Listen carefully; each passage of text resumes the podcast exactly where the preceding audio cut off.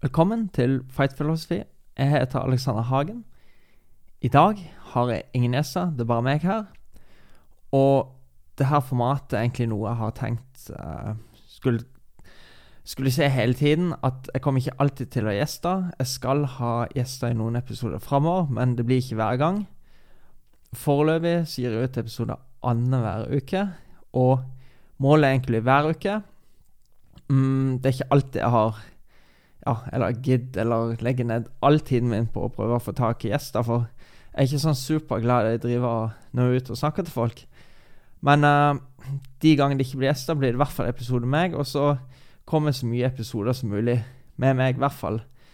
Ja, i hvert fall annenhver uke foreløpig. Så får vi bare se. Skal snakke om litt forskjellig i dag. Mm, Jack Hermansens kamp i UFC. Josh Taylor mot HC Ramirez. Og skal snakke om tre kamper som kommer, og en kamp det ikke har blitt noe av. Og Jeg begynner bare med Jack Hermansson mot Edmund Sebastian. I forkant så har jo Jack eh, rangert nummer syv, Edmunds nummer ti i UFC i mellomvektsdivisjonen. Og Jack kom inn med en record på 21 seire, 6 tap, og Sebastian var 11 seire, 1 tap. Og den største forskjellen, foruten stilmessig, var kanskje alderen. Uh, Jack er jo 32 år, og Sebastian er bare 23. Og ellers så hadde jeg til felles at begge kom inn i denne kampen med tap i forrige kamp. Uh, dere har kanskje hørt Jack var jo på denne podkasten tidligere, etter han tapte mot Marm Vettori. En veldig, veldig, veldig tøff kamp. Uh, knakk øyehulen, knakk tåa si i, ganske tidlig i kampen. Uh, ja, apropos Billy Joe Saunders. Jack Hermansson ga seg ikke, han bare fortsatte. Uh, skaden hadde lega så bra. Han var klar for å gå i ringen, eller i buret. Og uh, Sabasan ble stoppa mot uh, Derek Bronson. Og jeg føler at den kampen ga på en måte blueprintet på hvordan du kan slå Sabasan. For uh, han var jo Av det vi hadde sett på video, så var det tydelig at han var den ganske bedre striker. Han var bedre stående. Han hadde bedre boksing enn Jack, men man så at når han ble tatt på bakken, så var han uh, Han var ikke helt elendig, men det var ikke helt som en uh, gullfisk på stueteppet. Men uh, han visste ikke helt hva han drev med, og Jack er jo veldig flink når det kommer til grapplinga. Um, så jeg var jo litt sånn Litt usikker i forkant. Jeg følte at det her var en kamp som var veldig tøff for begge to, men jeg føler at Jack hadde på en måte overtaket i og med at han har så mye god ground på han. og jeg tenkte at han kom til å få Sebastian ned. Uh, men så var det jo bare et par uker før kampen så fikk han korona, og så skulle kampen gått for én uke siden, så ble han utsatt bare én uke. Så var det sånn Jeg var litt sånn uh, Er Jack egentlig i form? Er han klar til å gå match nå? Det er liksom Ja, jeg visste ikke hvor.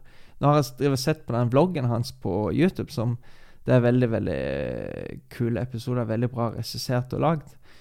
Og der virker ja, det virka som en vanlig sånn mm, influensa, på en måte, hvor jeg hadde var sånn slapp og, og um, hadde feber og var sånn frossen på en måte. og ikke, noe verre enn det, men man vet jo aldri hvor mye det tar ut av. Men tydeligvis var han, hadde han trent bra på forhånd, for han klarte å hente seg inn til denne matchen. Og um, du, første runde så kunne man se at uh, det, det, ble på en måte den kampen Edmund ville på forhånd. Han fikk kampen stående. Han holdt distansen bra. Han etablerte jabben sin fort. Uh, jabben var ikke så veldig rask, men mm, faktisk så er det sånn Mange sier til meg at uh, Å, oh, jeg blir så overrasket når jeg bokser med deg jeg sparer med deg, for du, du, har så rask jab. Men ja, skal jeg være helt ærlig om meg selv, så er jeg ikke sånn superrask. Jeg er helt OK hurtighet, men jeg tror jeg vet når jeg skal så jammen. Det er timing. Og det virker som uh, Edmund hadde forståelse striking-messig når han skulle slå jabben. Han visste når han skulle slå jabben, som var uventa for Hermansson. Og jabben er ikke i seg sjøl et sånn sårende slag, men det skapte åpninger for andre slag. Uh, han traff med noen høyre uppercuts til hodet.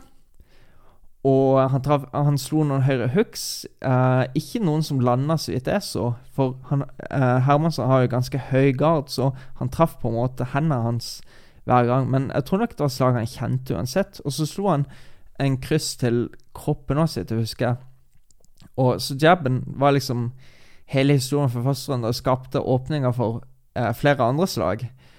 Og, eh, men Jack hadde noen bra low kicks. Um, hadde en sånn spinning kick, eller hva det heter. Jeg er ikke Ja.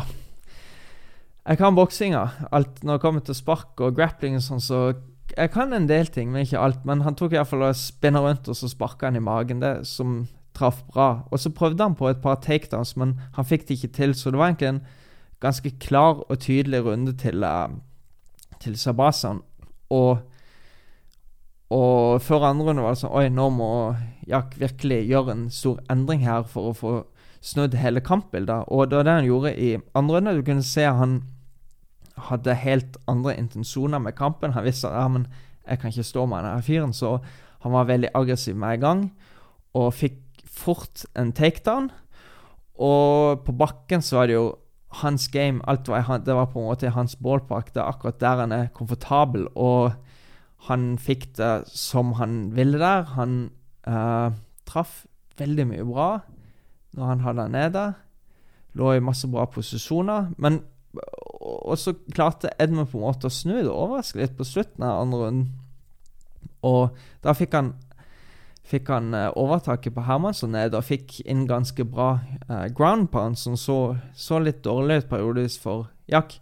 Men uh, tredje runde Så ja, det var en helt sånn Du, du kunne merke at sulten til Jack var der skikkelig. Han er jo en veldig sånn veldig, Han er veldig sulten og han gjør alt for å vinne. Stort hjerte. Veldig mye pågangsmot. Han er villig til å si, gå gjennom ilden for å ta seieren hjem, og det var det han gjorde. Han uh, pressa mye, fikk han ned, og det var helt brutal ground pound. Uh, nå har jeg sett i noen år på UC, uh, ganske hyppig, og så vidt Iallfall i forhold til hva jeg har sett, så har kanskje han den beste ground pound i UFC, og han var helt på grensen til å stoppe Sebastian ganske mange ganger i siste runde. Så det ble en enstemmig seier.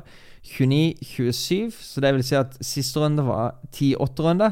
Det ble en helt soleklar seier. Det var utrolig kult å se han komme tilbake etter den første runden. Jeg var litt sånn Jeg var litt usikker på hvordan det her kom til å bli den første runden, men jeg ble veldig glad for å se han klarte å gjøre justeringer. Og det er jo det som er litt sånn kult og interessant med å se på MMA eller UFC, at det finnes så mange forskjellige måter å vinne på. Det, det, er jo mye som kan se i en boksekamp, men hadde det vært en boksekamp, så måtte bare Hermansson ha belaga seg på at nei, nå må han bli stående oppe med Sebastian, og der blir det veldig tøft og vanskelig. Men hans game er å få det litt ned, gjøre litt ground pound, grapple litt, bryte litt, og så mikse det inn med litt boksing og sånn, litt low kick, så han fikk det til å gå ganske fint. Og etter kampen så utfordra han eh, Robert Whittaker. Han sa han kunne møte de andre òg, men alle var på en måte opptatt med andre motstandere. Så ville ha en match mot uh, Robert Whittaker. Og han er jo veldig bra, har jo veldig bra standup. Og jeg tenker før en sånn kamp så bør han kanskje uh, Basert på den første og basert på hva jeg har sett striking-messig tidligere, så før en eventuell sånn kamp, så bør han kanskje jobbe litt med spesielt forsvar mot Forsvar generelt, men også spesielt forsvar mot jab. Det viktigste slaget når det kommer til striking, når det kommer til boksing, er jabben. Og dermed blir det viktigste forsvaret forsvar mot jab. Uh, Jack sitt jeg si, go to defense når han blir angrepet, er på en måte en høy gard. Og kan, tar kanskje noen steg bak og sånn. Eller så flytter han seg litt, litt, rundt på sidene, men egentlig ikke så mye når han blir angrepet. Da har han kanskje en høy gard og flytter ikke hodet så mye, litt statisk, og går bakover. Og altså, i, i proffboksing, når du går med tiurshansker, da har du noen gang hest og hår. Hvis du tar et hardt slag i garden, så kjenner du det ganske mye. Og kan jo tenke meg når du har de firehushansker med fingrene løse, sånn, så kjenner dere det slaget uh, veldig mye.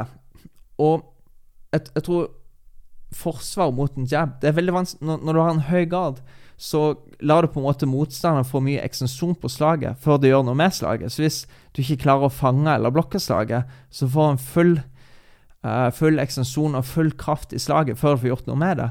Så sånn sett er det mye lettere å fange slag hvis hendene dine og armene dine litt lenger ut. Det er ikke dermed sagt at du ikke kan ha en høy grad da, men det kommer litt an på hvilken distanse du står på. Høy grad er kanskje finere når du står litt nærmere for å få ut fordi at du vil kontra, kanskje. Kanskje ha en høy grad fordi at du vil ta litt catch and shoot, catch and count. Du vil at andre skal slå på hendene dine, så kan, så kan du kontra med samme arm. Uh, det kan det være. Og uh, andre typer forsvar mot jab kan at du kan fange jab, parere den sånn. Du kan blokke den sånn. Du kan slippe til høyre, slippe til venstre. Du kan pull, du kan sitte ned. Uh, du kan kontrollere hånda ute. Du kan komme litt finte tilbake. og der er det bare rent forsvar. Men mange sier at angrep er ofte det beste forsvar, men jeg mener i boksing så er det beste forsvar en god kontring. Og kontring mot jab er jo kanskje en høyrekryss over, time et slag over. Du kan flytte hodet så et slag. Du kan um, jabbe med jabberen. Det er ikke så veldig farlig. De sier 'jab with a jabber, but don't hook with a hooker'. Det er, ikke så, det er bare en jab. Det er ikke så farlig å bli truffet med en jab. Det er ikke så risikabelt å slå en jab tilbake. Selv om jabben er et slag du bør stå fra riktig distanse, for det er veldig lett å bli kontra over. Så jeg ikke, hadde vært Jaks, jeg kanskje jobbe litt med uh, variert forsvar litt. At, at uh, kanskje får noen unnvikelser, hodebevegelser, når du blir angrepet, spesielt av jabben. Mm, jeg skjønner at det er MMA, og du kan ikke drive og rulle like mye som du gjør i boksing, for da får du kanskje bare en uh, et spark i hodet ditt eller et kne i hodet ditt fordi at du dukker for lavt, men du kan fremdeles ta så Si at du fanger, og så slipper du ut til siden, og så går du vekk fra senteren din, og så pivoterer du ut. Og sånn. Eller så har du en liten rulling og sånn.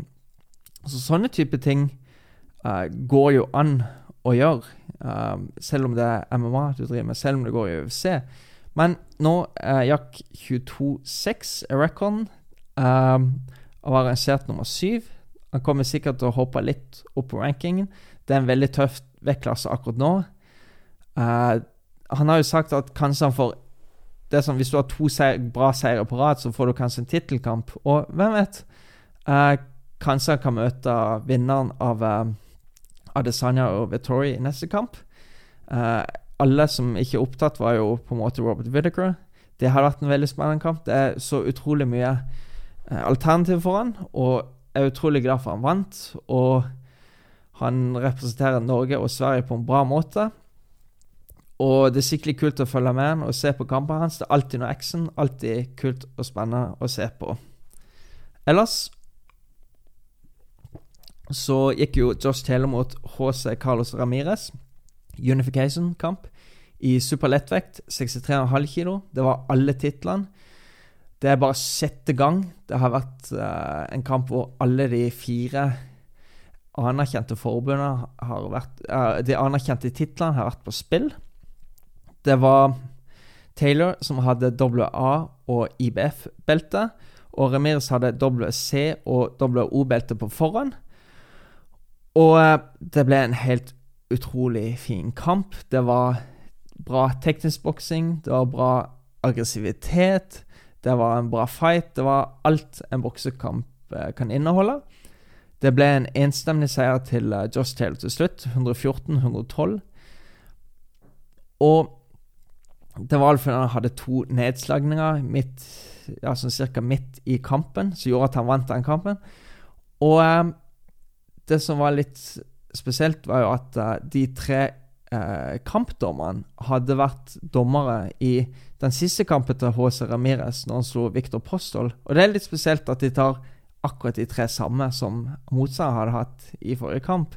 Det er litt uvanlig. Men nå er det sånn at nå var det Nevada eh, kampen gikk i, og de utnevner dommere og kampledere sånn på egen hånd, så de får, en, de får alltid en fyr fra den staten, og det er jo kanskje den staten du har de mest erfarne, mest rutinerte, de beste kamplederne og de beste ringdommerne.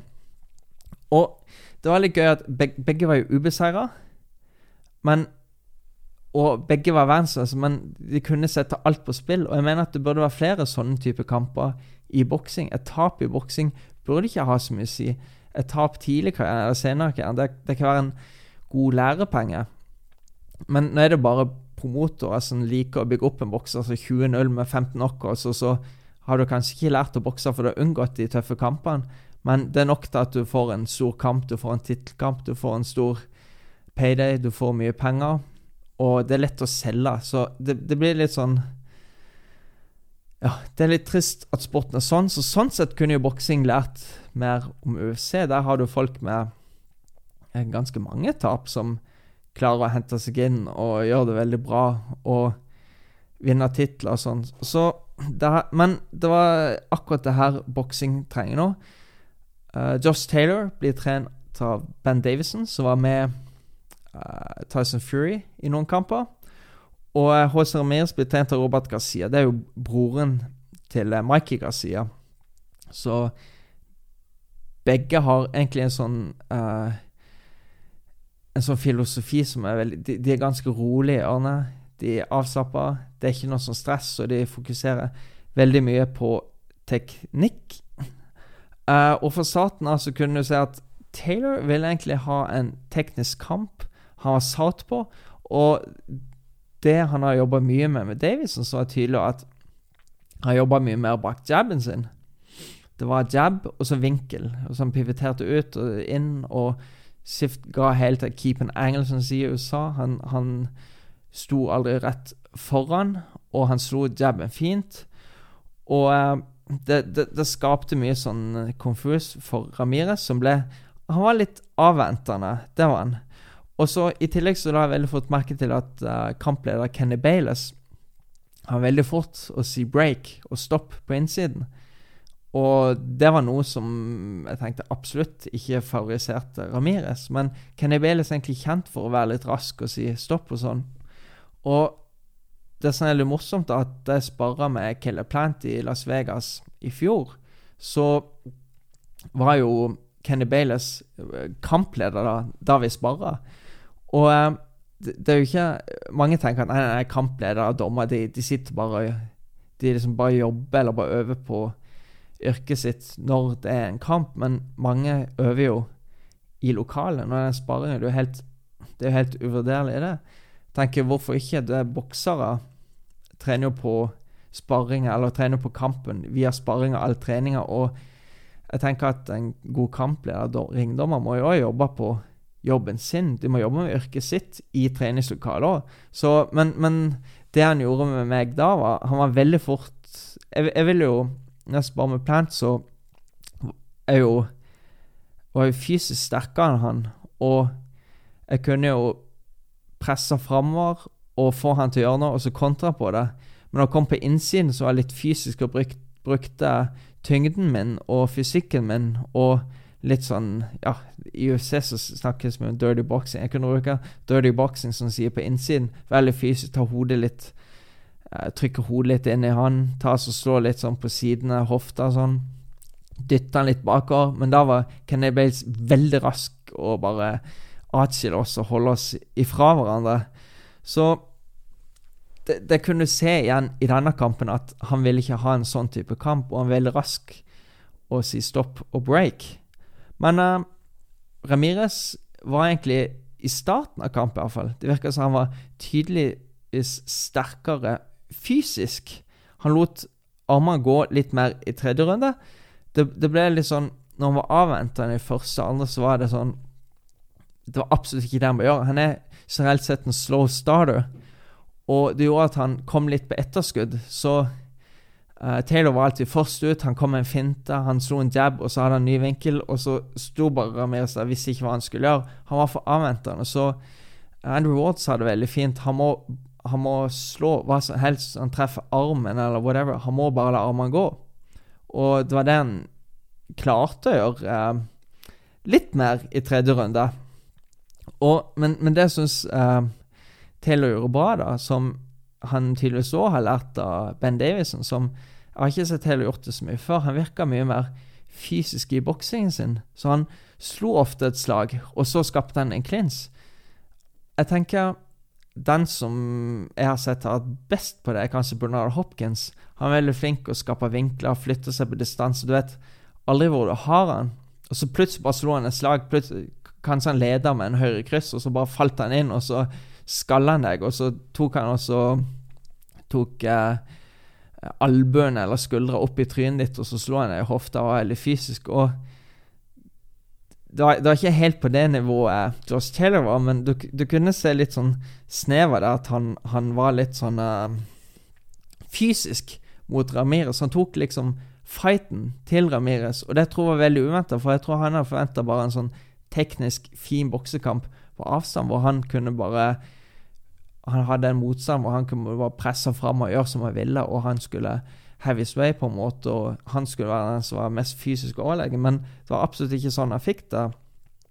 Og han virka litt frustrert, Ramirez, og oppgitt, og han glemte på en måte noen ganger boksinga si.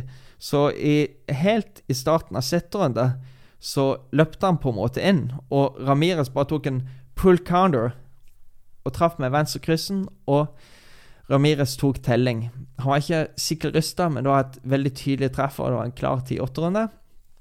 Mm, det han gjorde feil, da, var jo at han, han glemte jo eh, hva som får han på innsiden. Det er sånn Han jobba seg ikke, han, han eh, overreached. Han prøvde for at han, han liksom kasta seg bare inn. Og da han ble truffet, så Jeg snakker om det hele tiden, altså, men det er så viktig med det elementære i boksing. Du er nødt til å holde boksestillingen. Så når han kom fram av søl, og kom var med høyre kryss når han sto søl, så hvis, hvis, du fulgte med på beina hans, så kom, falt høyrebenet fram. Det er veldig lett å gjøre det mot en southpaw, for du føler at han står så langt unna siden han har venstrebenet sitt bak og så motsatt deg. Så han falt fram, og så bare løpte han rett inn i en kryss. Så det, det, var en sånn elementær boksefeil. Du er nødt til å holde boksestillingen din hele tiden. Og i syvende runde så gikk Ramires ned igjen. Og det var en helt annen situasjon, det var et helt annet scenario. De sto på innsiden, og jeg hørte Robert Garcia si til uh, kampleder i Kenny Baileys i pausen Nei, han, han, slo han på breaken. Det er ikke sant. Det var en klins. Og, og så så jeg at uh, Kenny Baileys bare tok på ham. Det er lov til å si 'work yourself out of it', sånn, tror jeg han sa. Og så tok han liksom bare på armen til Ramires. Så jeg vet ikke om Ramires tenkte at Nei, nå kan jeg bare gå rett ut herfra. Men det er en grunn til at kampleder i boksing sier 'protect yourself at all times'. På innsiden så sto han bare oppreist. Han var ikke klar for å fighte. Han tok ikke å byste seg sjøl. Så gikk han på en måte bare rett bak, og du kunne se den fysikken og den ja, dirty boxing jeg skal si, som Taylor har trent på. Så tok han bare slo en utrolig bra uppercut med bakre hånd. Og da gikk Ramirez helt ned, og det virka som at uh, Den kjente han veldig godt, altså. Så da han kom opp, så var han litt sånn fortømla. Det, men det Josh Taylor gjorde egentlig feil begge ganger, var at han holdt seg ikke nøytralt hjørne da um, Kenny og ga tellinga. Så det ble liksom helt til litt sånn Hei, nå må du gå tilbake. Og så skal jeg se om han er klar til å fortsette. liksom måtte skape litt avstand. Sånn. Så det, det, var litt sånn Der søyt på en måte Taylor seg litt uh, søl i foten, på en måte.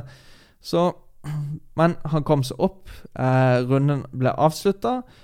Og Taylor fikk mer og mer selvtillit.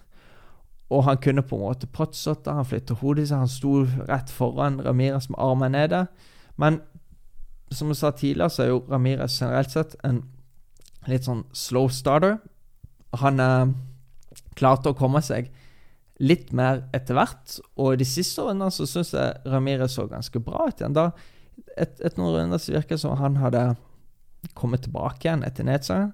Han hadde henta seg inn igjen, og han boksa egentlig ganske bra på slutten, og lot, uh, lot uh, arma gå litt. Og det var det som kanskje gjorde at kampen jevna seg litt ut igjen, og det bare ble 114-112 til Josh Taylor med de to 10-8-årene.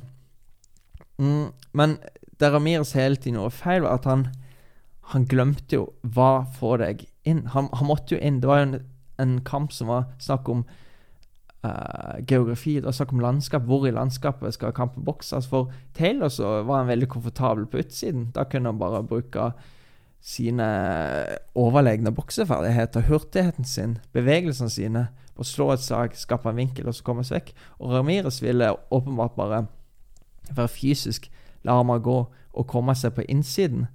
Men han, han, glemte på en måte det elementære. Jeg skal bare ta litt vann her. Han glemte det som får deg inn.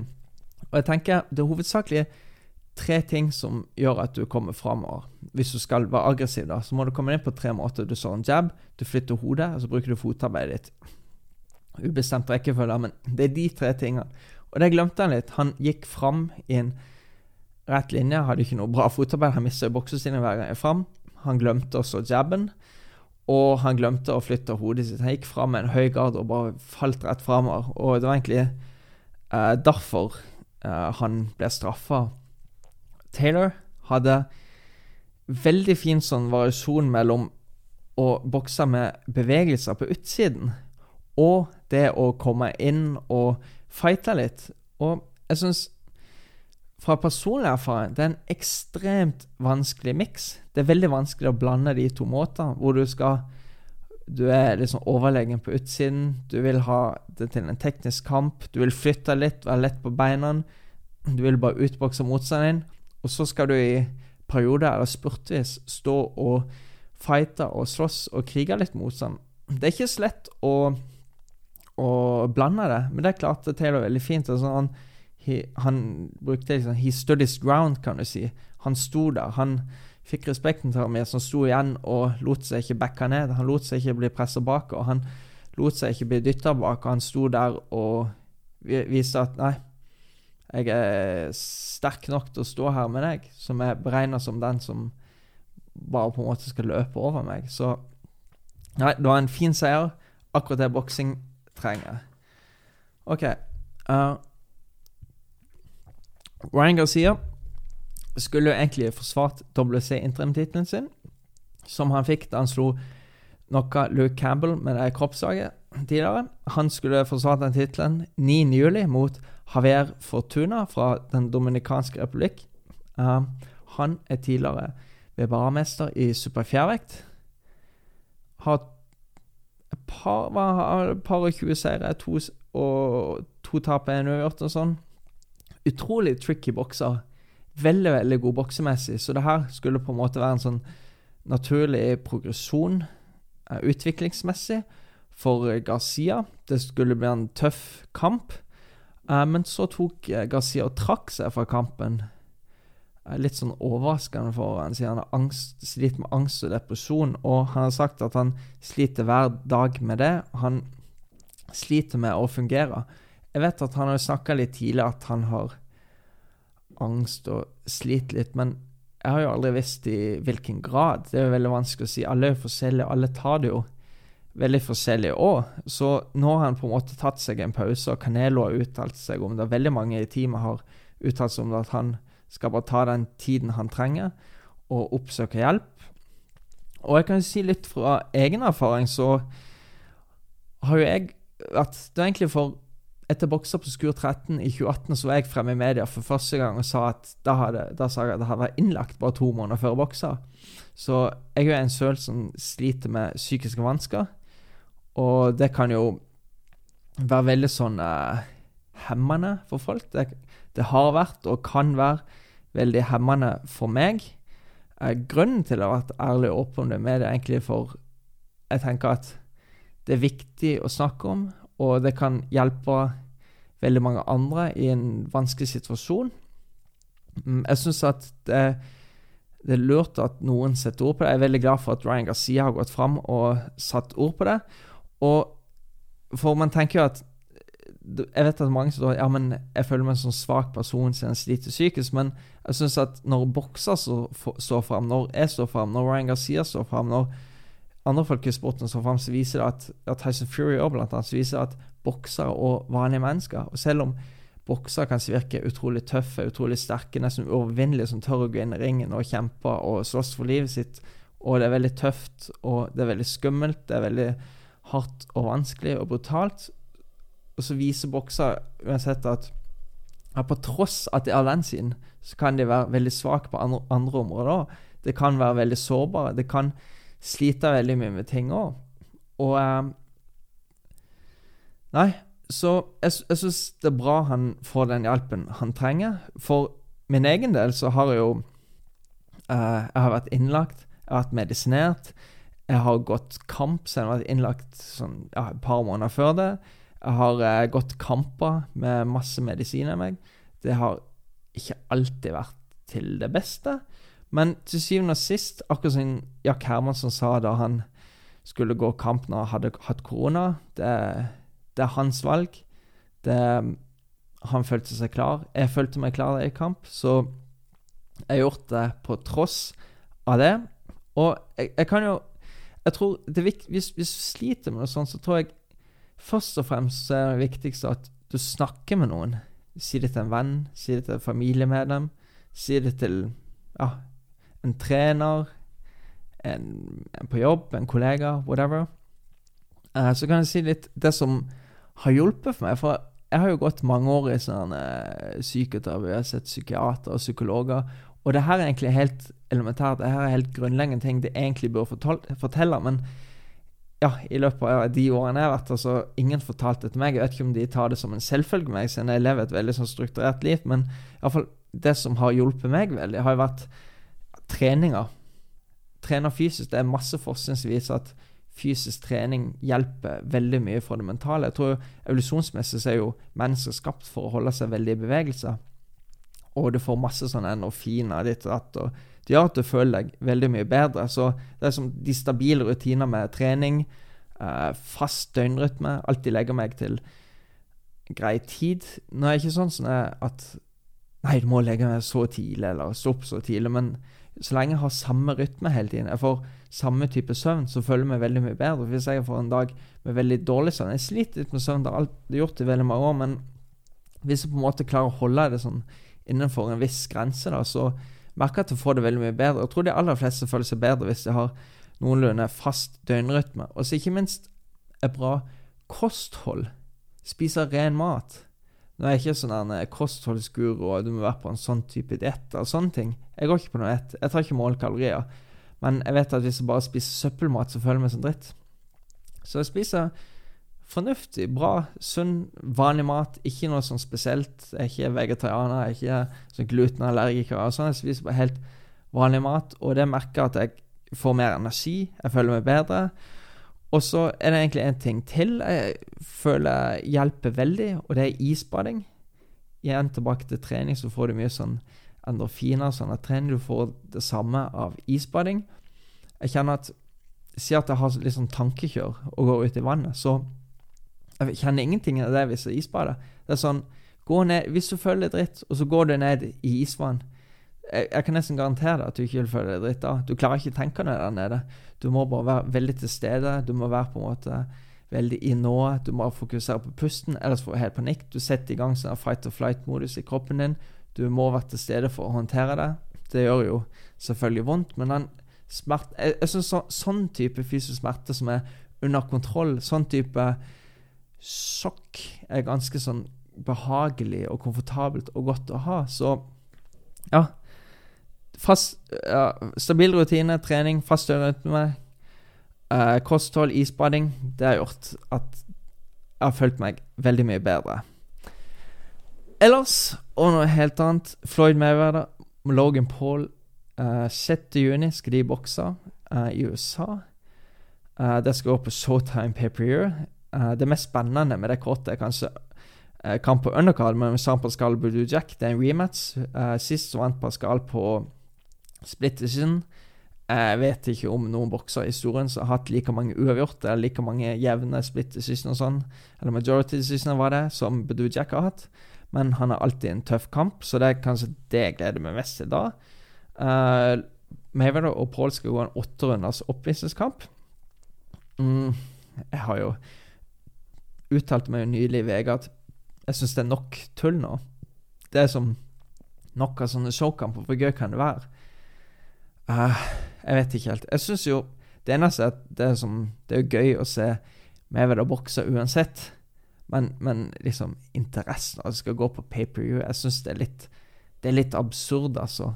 I 2021 skal vi betale Hva er det i USA? Jeg tror det koster 50 dollar, er det vel. Så ser det på pay-per-view. Jeg kommer nok ikke til å kjøpe pay-per-view, for å si det sånn, men jeg får sett uansett. Uh, de har en slags sånn um, forskjellige vektgrenser. da Mayweather kan veie 160 pund, og Logan Paul kan veie 190. Det vil si Mayweather kan være 72,5 kilo, som er mellomvektsgrensa, og Paul kan være 86,2 kilo, som var den gamle uh, cruiservektsgrensa. Så uh, Men Mayweather har jo aldri ja, Han boksa de siste årene bare boksa i weltervekt og superveltervekt, som er 66,7 og 69,9 kilo. Har jo egentlig aldri gått rundt på noe høyere vekt enn hva han faktisk har uh, veid til vanlig. Så jeg vet ikke om det skal ha så veldig mye å si. Mayweather er jo 44 år nå, mens Logan Paul er bare 26. Mayweather er bare 1,73 høy, mens Paul er 1,88. Men jeg syns det her bringer et sånn Gjør det til noe ja, et viktig poeng, da, som er at det her er boksing. Det er ikke en strongman-konkurranse. Og Paul er jo 0-1 som proff. Han har én proffkamp, altså. Tapte han på split decision mot en annen YouTuber. Uh, eh, KSI. Jeg vet egentlig ikke hvem det er. Jeg vet en mørk fyr med sånn veldig rart hår. Jeg så kampen jeg gikk, men uh, Ja, hva skal man si? Uh, Logan er jo den den dårligste av de to brødrene, Jake og Logan Paul. Han er, så Logan er den klart uh, dårligste bokseren. Og jeg har jo sett videoer av Floyd. Han går på sekk, og så går han på pute. Han gjør denne vanlige uh, mythology-treningen. Og Floyd er jo 44 år og har ikke samme hurtighet som før. Det, det er helt klart.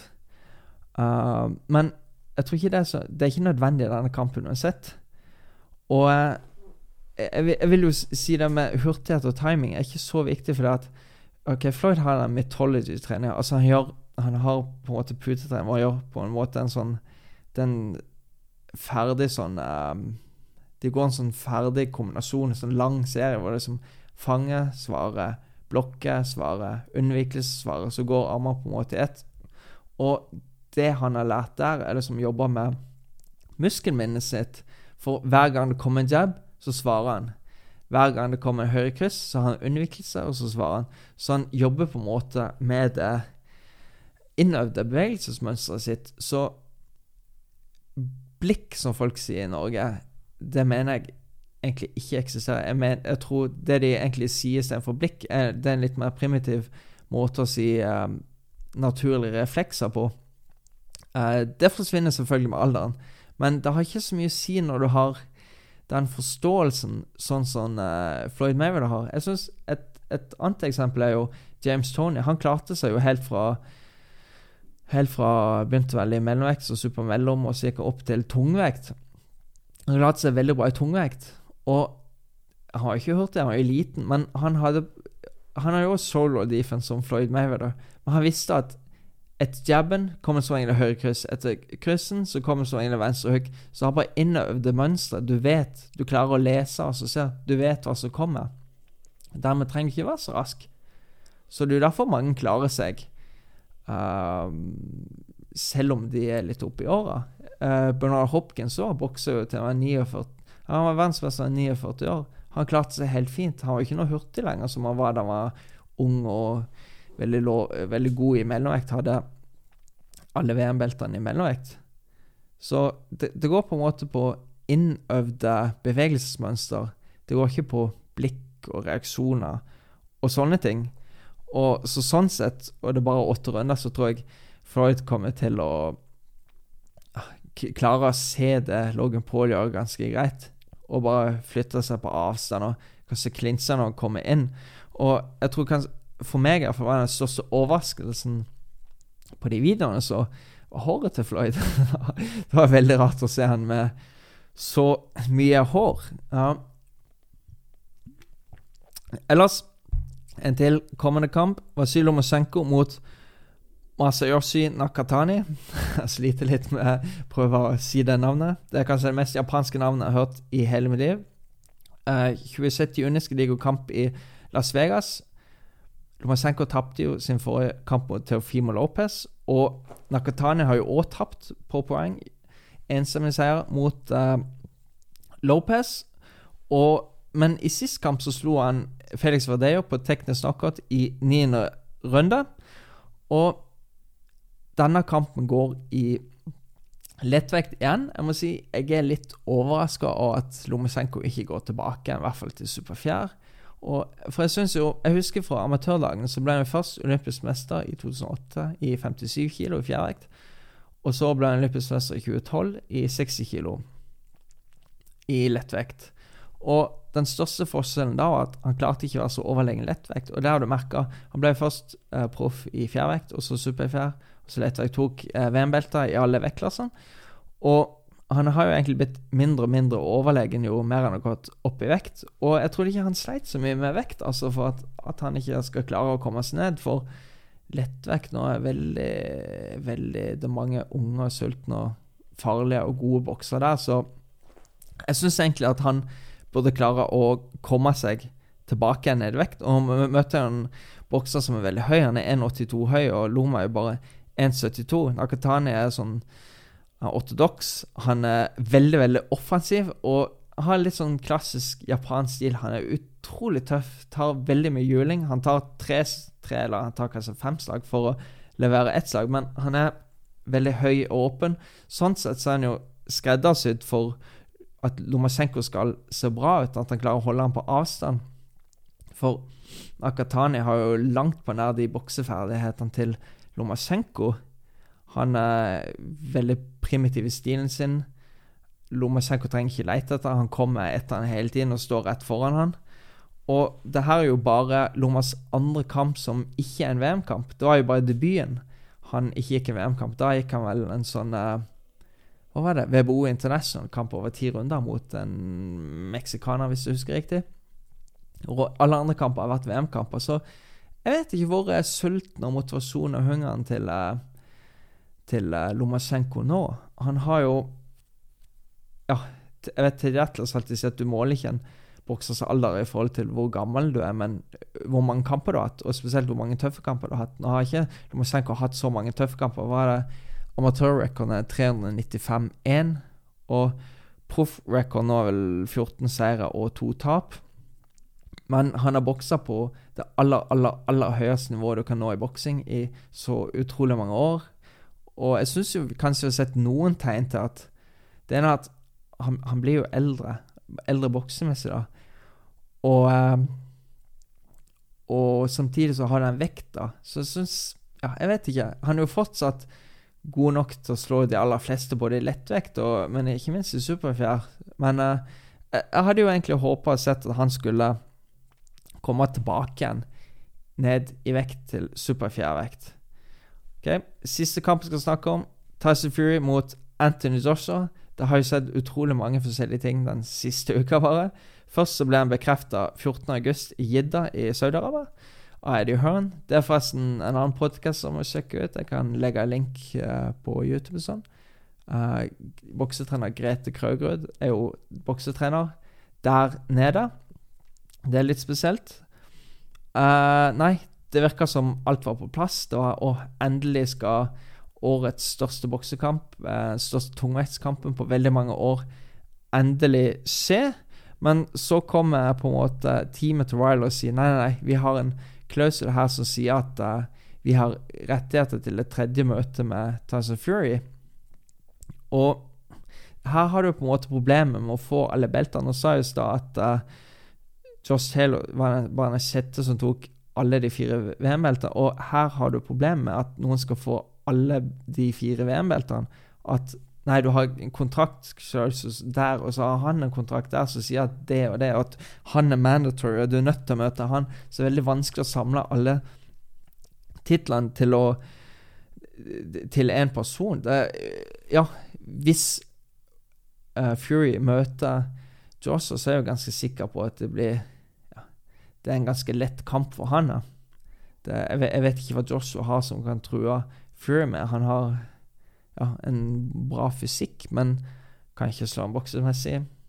Uh, kan ikke slå ham på, på styrke noen ting. Han, han, han, han, blir for liten i forhold til uh, Fury òg, så jeg vet ikke helt hva han skal gjøre. Men uh, hva om det hadde blitt Fury mot Wilder, da? Wilder har jo trent Har jo mye videoer med Malik Scott nå. Og Jeg en vid lagde en video om det tidligere. Jeg syns Wilder ser veldig bra ut. Jeg syns det ser ut som Malik Scott og han har god kjemi.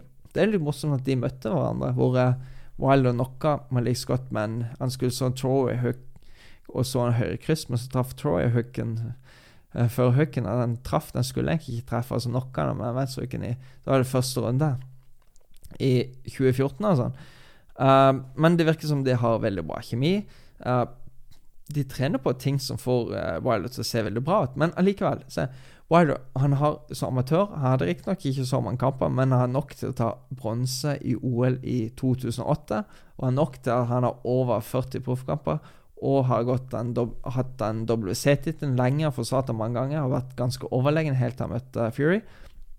Hvis han ikke har lært seg å bokse by now, så kommer han ikke til å lære det. Det er jeg ganske sikker på.